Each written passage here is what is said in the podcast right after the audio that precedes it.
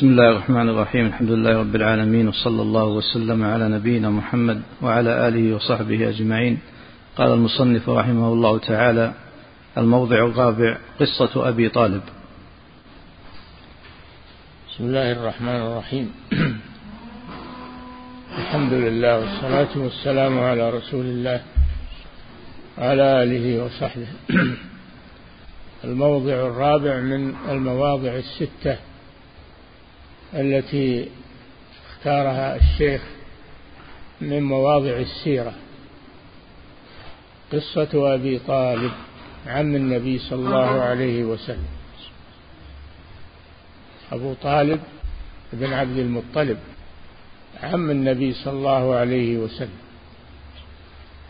الذي دافع عن الرسول صلى الله عليه وسلم.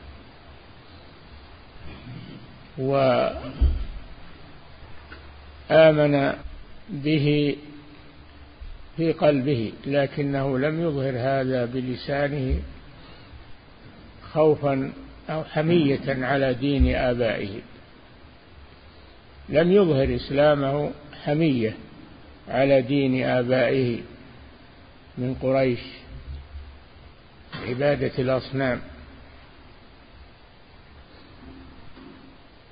وإلا فهو يعلم أن محمدا صلى الله عليه وسلم صادق في رسالته. يقول ولقد علمت بأن دين محمد من غير أديان من خير أديان البني ولقد علمت بأن دين محمد من خير أديان البرية دينا. لولا الملامة أو حذار مسبة لرأيتني سمحا بذاك مبينا. فما منعه من إظهار إسلامه إلا الحمية على دين آبائه من قريش والعياذ بالله. حاول معه الرسول صلى الله عليه وسلم لما حضرته الوفاة. جاء عنده وقال يا عم قل لا إله إلا الله كلمة نحاج لك بها عند الله. وكان عنده اثنان من كفار قريش. فقال له أترغب عن ملة عبد المطلب؟ أخيرا حاول معه الرسول صلى الله عليه وسلم أن يقول لا إله إلا الله لكنه مات وهو يقول هو على ملة عبد المطلب. حمية على دين الجاهلية والعياذ بالله. هذه قصة أبي طالب مع ابن أخيه رسول الله صلى الله عليه وسلم. نعم.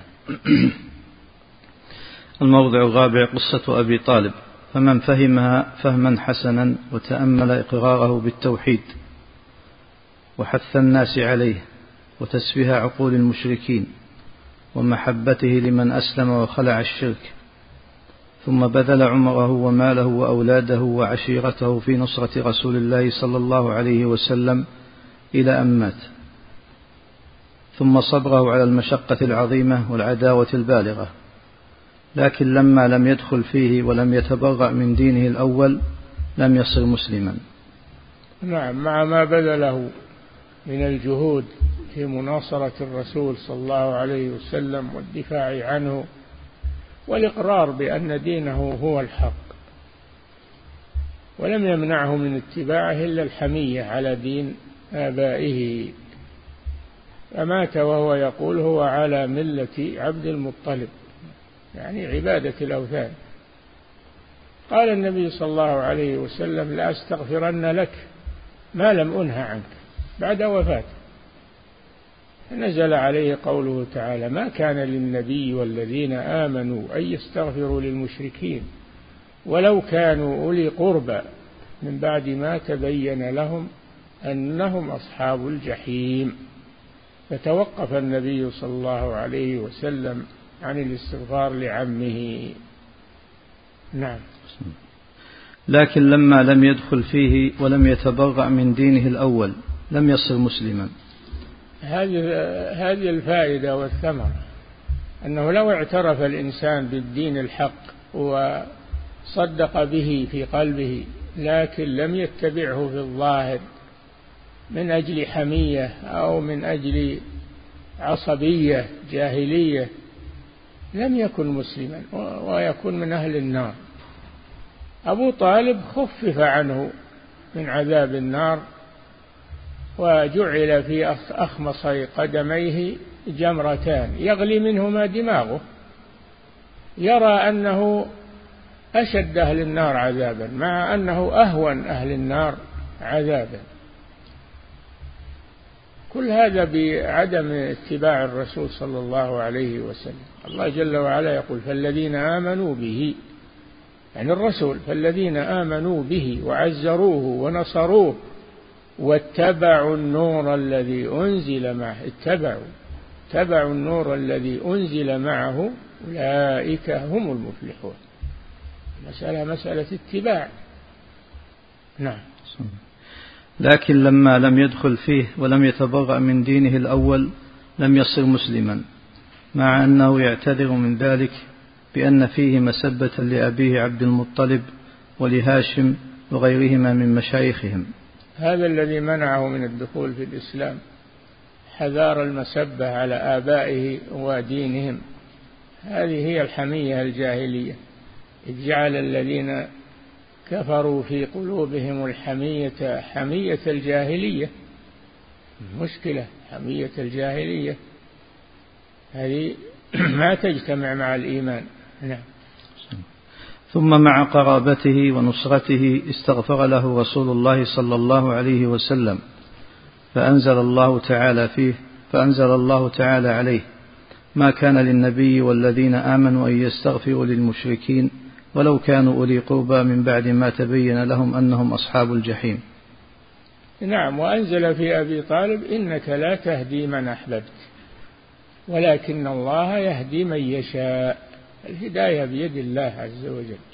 ليست بيد الرسول ولا يد غيره. الهداية بيد الله عز وجل. نعم.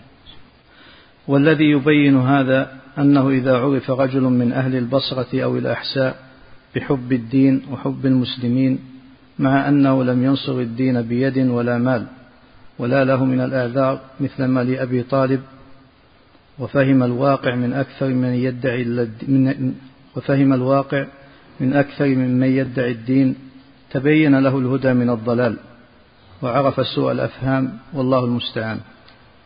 نعم فالذين عاصروا الشيخ وعرفوا أن دعوة الشيخ حق أنها حق ولكن منعهم من ذلك الحمية على دين آبائهم أو بلادهم ما جرأوا أن يخالفوا أقوامهم وأهل بلادهم. منعهم مثل ما منع أبا طالب فهم لا ليس لهم من رحمة الله نصيب. وإن كانوا يعترفون بأحقية ما عليه الرسول صلى الله عليه وسلم لما لم يتبعوه ويؤمنوا به ويناصروه. الناس يناصرونه. يمكن بعض المشركين يناصرون الرسول مثل أبي طالب. ولكنهم لم يؤمنوا بدينه حمية على دين الجاهلية. نعم. الموضع الخامس قصة الهجرة. نعم. وفيها من الفوائد والعبر ما لا يعرفه أكثر من قرأها. نعم. الهجرة الرسول صلى الله عليه وسلم. لماذا هاجر الرسول من مكة إلى المدينة؟ مع أن مكة أحب البلاد إليه. مكة أحب البلاد إلى رسول الله صلى الله عليه وسلم. ومع هذا تركها وهو يحبها. وهاجر إلى المدينة. لماذا هاجر؟ هاجر لأجل الدين. لأجل الدين. وآثر الهجرة على البقاء في بلده ومع قومه. نعم. الموضع الخامس قصة الهجرة وفيها من الفوائد والعبر ما لا يعرفه أكثر من قرأها ولكن مرادنا الآن مسألة من مسائلها وهي أن من أصحاب رسول الله صلى الله عليه وسلم من لم يهاجر من غير شك في الدين وتزيين دين المشركين. نعم في ناس من المسلمين لم يهاجروا بقوا في مكة بين المشركين لم يهاجروا إلى المدينة ما هم مسلمون متمسكون بالإسلام. فأنزل الله فيهم إن الذين توفاهم الملائكة ظالمي أنفسهم. قالوا فيما كنتم؟ إيش البلد التي فيها الآن؟ قالوا كنا مستضعفين في الأرض. قالوا ألم تكن أرض الله واسعة فتهاجروا فيها فأولئك مأواهم جهنم أولئك مأواهم جهنم. نسأل الله العافية. الذي يترك الهجرة وهو يستطيع الهجرة ويبقى مع المشركين متوعد بهذا الوعيد. متوعده ليس كافرا. ولكنه لما لم يهاجر توعده الله بهذا الوعيد. ألم تكن أرض الله واسعة فتهاجروا فيها فأولئك مأواهم جهنم وساءت مصيرا. إلا المستضعفين من الرجال والنساء والولدان لا يستطيعون حيلة ولا يهتدون سبيلا فأولئك عسى الله أن يعفو عنهم. كان الله عفوا غفورا. هذا فيه وجوب الهجرة على من يقدر عليها. وجوب الهجرة من بلاد الشرك إلى بلاد الإسلام لمن يقدر على ذلك. والهجرة قرينة الجهاد في كتاب الله. هاجروا وجاهدوا في سبيل الله. قرينة الجهاد. الهجرة أمرها عظيم في الإسلام. الانتقال من بلد الشرك إلى بلد الإسلام فرارا بالدين. هذه هي الهجرة. نعم. وهي أن من أصحاب رسول الله صلى الله عليه وسلم من لم يهاجر من غير شك في الدين وتزيين دين المشركين ولكن محبة للأهل والمال والوطن. فلما خرجوا إلى بدر خرجوا مع المشركين كارهين فقتل بعضهم بالرمي والرمي لا, والرامي لا يعرفه. فلما سمع الصحابة أن من القتلى فلانا وفلانا شق عليهم وقالوا قتلنا إخواننا فأنزل الله تعالى إن الذين توفاهم الملائكة ظالمي أنفسهم. قالوا فيما كنتم؟ قالوا كنا مستضعفين في الأرض. ظالمي أنفسهم في بقائهم في بلاد الكفر مع قدرتهم على الهجرة. ظلموا أنفسهم. نعم. قالوا ألم تكن أرض الله واسعة فتهاجروا فيها؟ فأولئك مأواهم جهنم وساءت مصيرا. هذا وعيد هذا وعيد شديد على من ترك الهجرة إلى بلاد الإسلام وهو يقدر عليها وبقي في بلاد الشرك. نعم. إلا المستضعفين من الرجال والنساء والولدان لا يستطيعون حيلة ولا يهتدون سبيلا فأولئك عسى الله أن يعفو عنهم وكان الله عفوا غفورا. مستضعفين عذرهم الله سبحانه. لا يستطيعون حيلة إلى الهجرة ولا يهتدون سبيلا ما يعرفون الطريق. فالله عذرهم فيها. عسى الله أن يعفو عنهم. عسى من الله واجبة. عسى من الله واجبة. نعم. فمن تأمل قصتهم وتأمل قول الصحابة قتلنا إخواننا علم أنه لو بلغهم عنهم كلام في الدين أو كلام في تزيين دين المشركين لم يقولوا قتلنا إخواننا.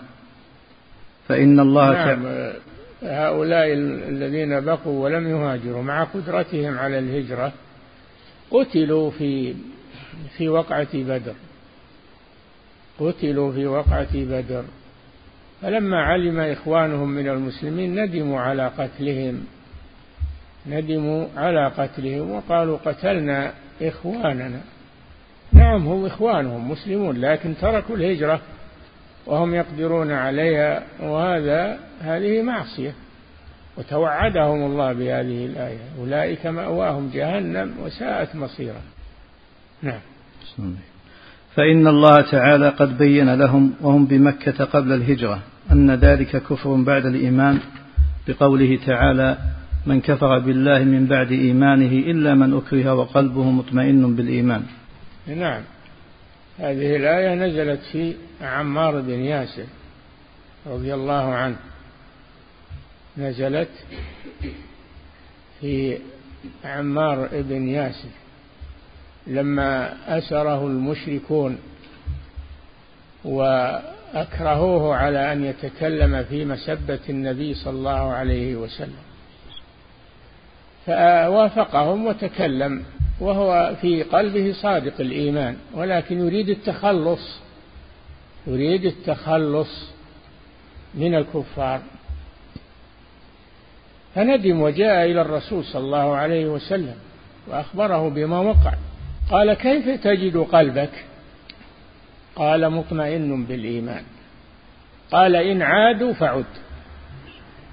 قال إن عادوا إلى مثل فعلهم فعد بقولك ولا يضرك هذا ما دام أن قلبك مطمئن بالإيمان هذا في المكره الذي أكره أما المختار فلا يجوز له يوافق المشركين في شيء.